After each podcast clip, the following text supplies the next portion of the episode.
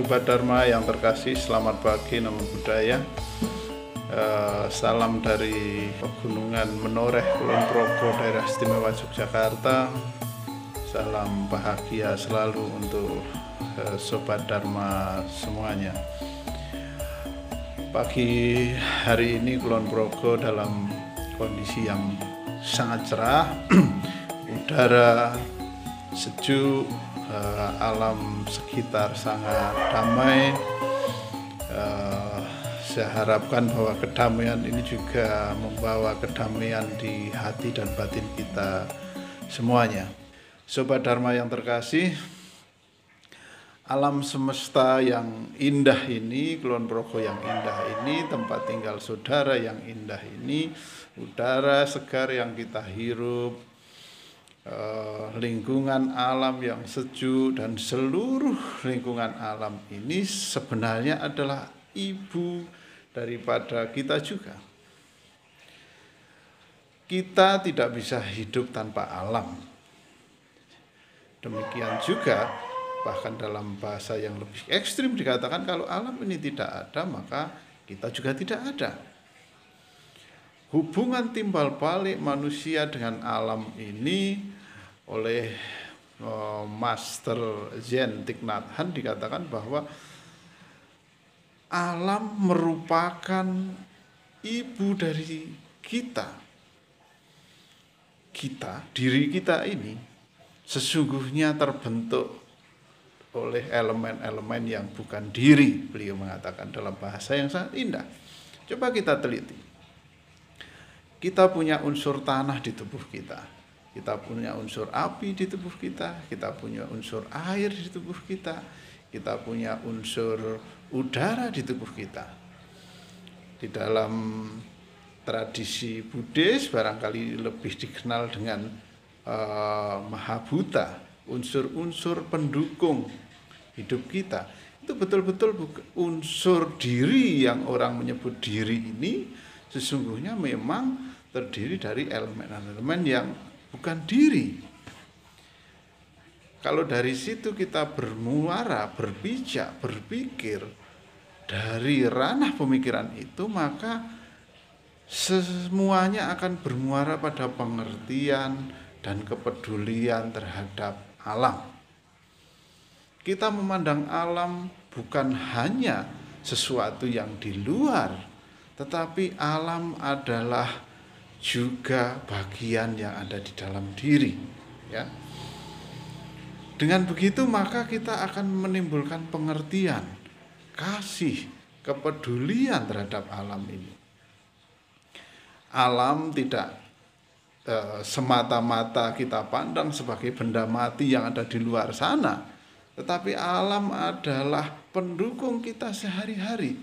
Kita bayangkan bagaimana kita bernapas Misalnya di dalam udara yang polusinya sangat luar biasa, kita tidak nyaman. Air yang kita minum kalau tidak jernih, eh, bersih, kita juga tidak nyaman. Darah yang mengalir di tubuh kita digerakkan oleh air. Ya.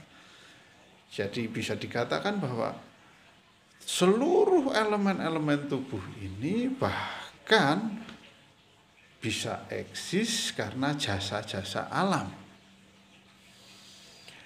Kalau kita menelisik uh, kisah guru agung kita misalnya, beliau setelah mencapai penerangan agung di bawah pohon bodhi, bermeditasi, mengheningkan batin, menjernihkan pikiran, beliau kemudian pada satu momen mencapai yang disebut dengan bodi atau pencerahan sempurna.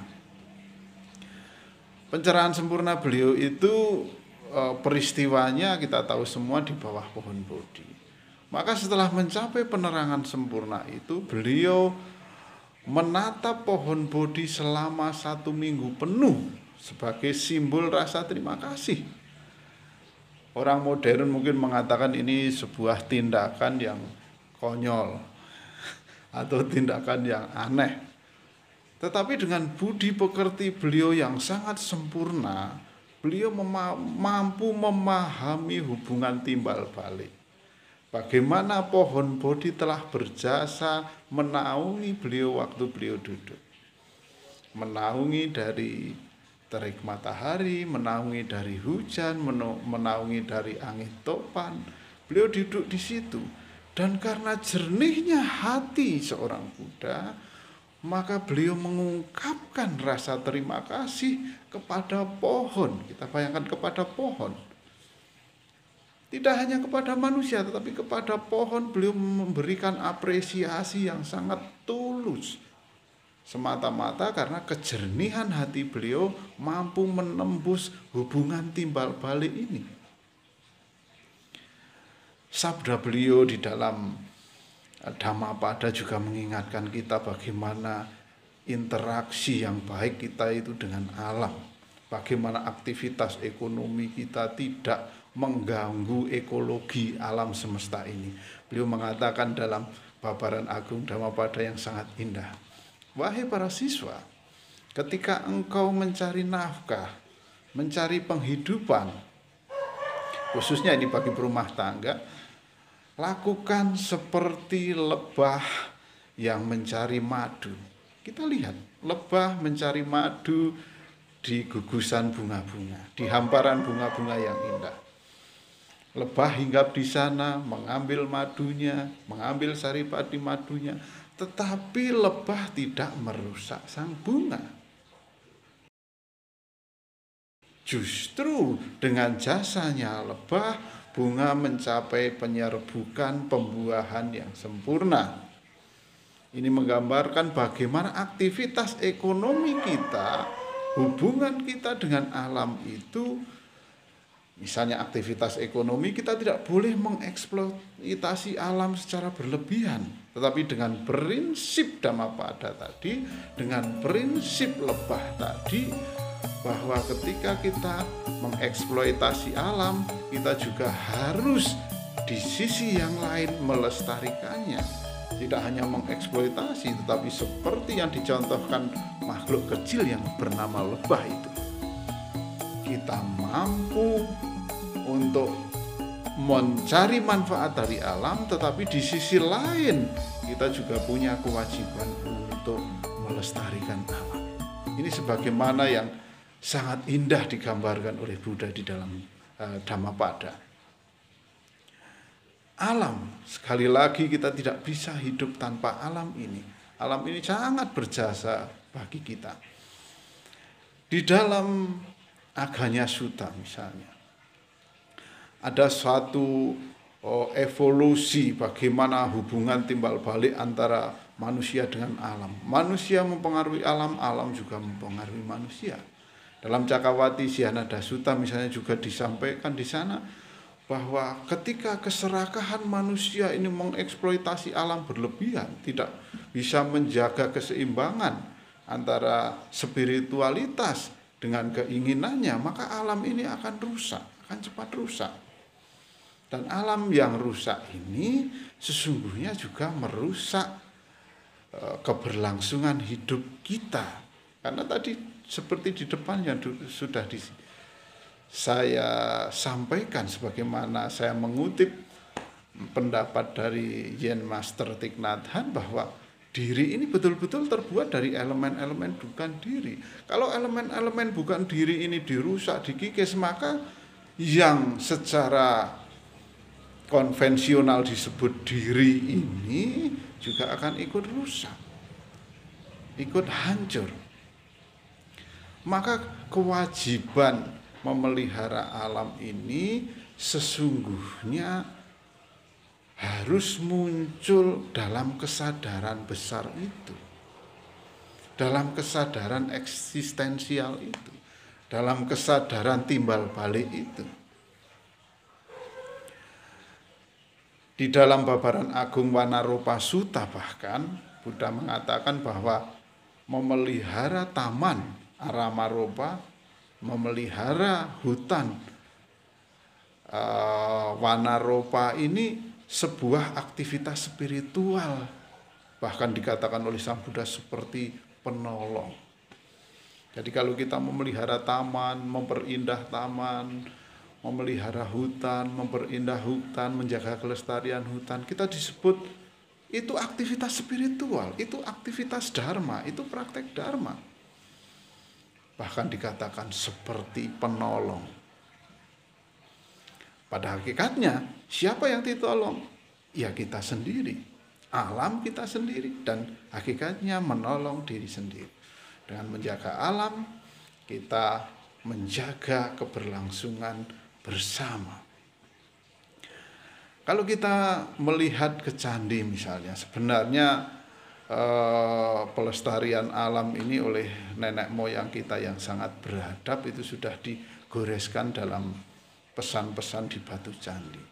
Di Candi Pawon, Candi Mendu, Candi Borobudur misalnya kalau kita pernah ke sana, ada salah satu goresan pohon besar yang di sana ada untuk bernaung banyak burung di bawahnya ada uh, semacam danau ada kura-kura ada banyak manusia juga yang bernaung di bawah pohon. Ini pohon disebut dengan pohon kalpavreksa atau kalpataru.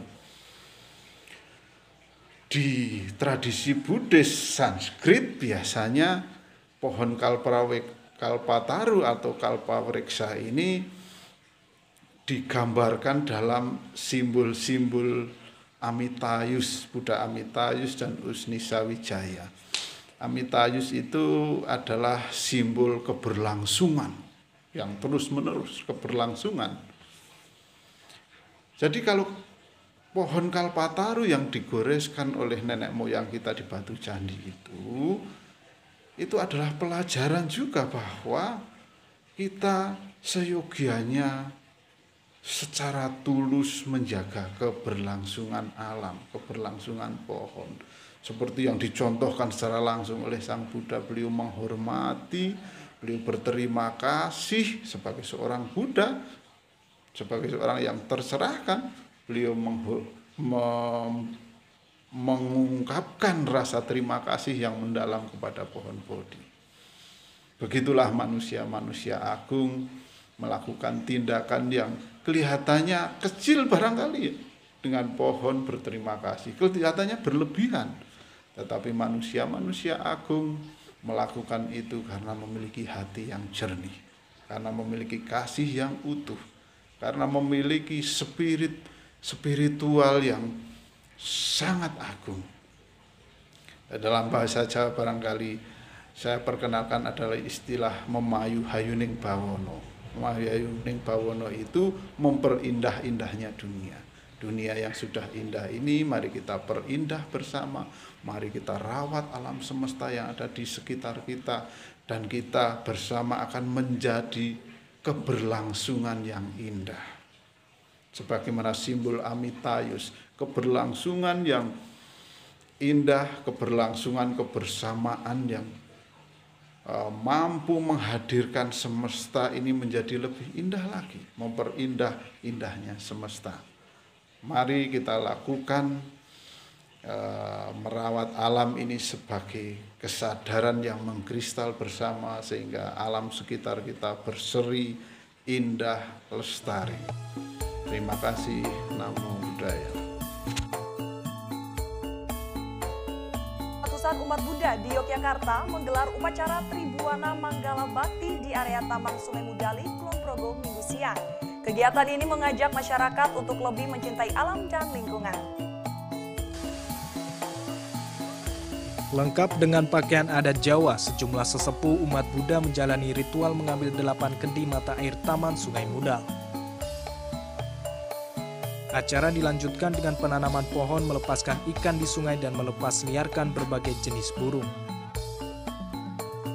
Upacara Tribuana Manggala Bakti ini baru pertama kalinya digelar oleh Majelis Agama Buddha di Yogyakarta. Acara ini digelar atas dasar keprihatinan akan sumber mata air di daerah istimewa Yogyakarta yang dinilai semakin menyusut. Tapi kita kemas dengan cara yang membumi, juga edukatif terhadap anak-anak sehingga eh, lama kelamaan kebersamaan kesadaran bersama tentang pentingnya pelestarian alam ini akan menggejala dan mengkristal menjadi sebuah perbuatan bersama, kekuatan bersama sehingga alam kita tetap lestari. Jadi ada data empirik penyusutan sumber mata air di wilayah Yogyakarta. Tak hanya orang dewasa, anak-anak juga diajak terlibat serta melestarikan alam. Semoga makhluk akan hidup berbahagia. Seneng nggak dengan? Kenapa? Karena hewan-hewan bisa terbang, bisa bebas, tidak. Selaku umat Buddha, saya mengharapkan agar eh, seluruh lapisan masyarakat itu dapat membangun kebersamaan, dapat bersatu, meskipun kita umat Buddha cuma sedikit, akan tetapi semoga bisa eh, menjadikan kerjasama yang baik antara pemerintah dengan umat dan pemerintahan dengan eh, sesama kepemerintahan seperti itu. Jadi jangan memandang bahwa umat Buddha itu kecil dan tidak ada manfaatnya. Seruan untuk melakukan gerakan pelestarian lingkungan terus dilakukan. Selain tidak merusak, pelestarian lingkungan baik flora maupun fauna dapat menjaga keseimbangan alam dan hidup berdampingan dengan manusia. Rencananya kegiatan serupa akan digelar rutin setiap tahunnya.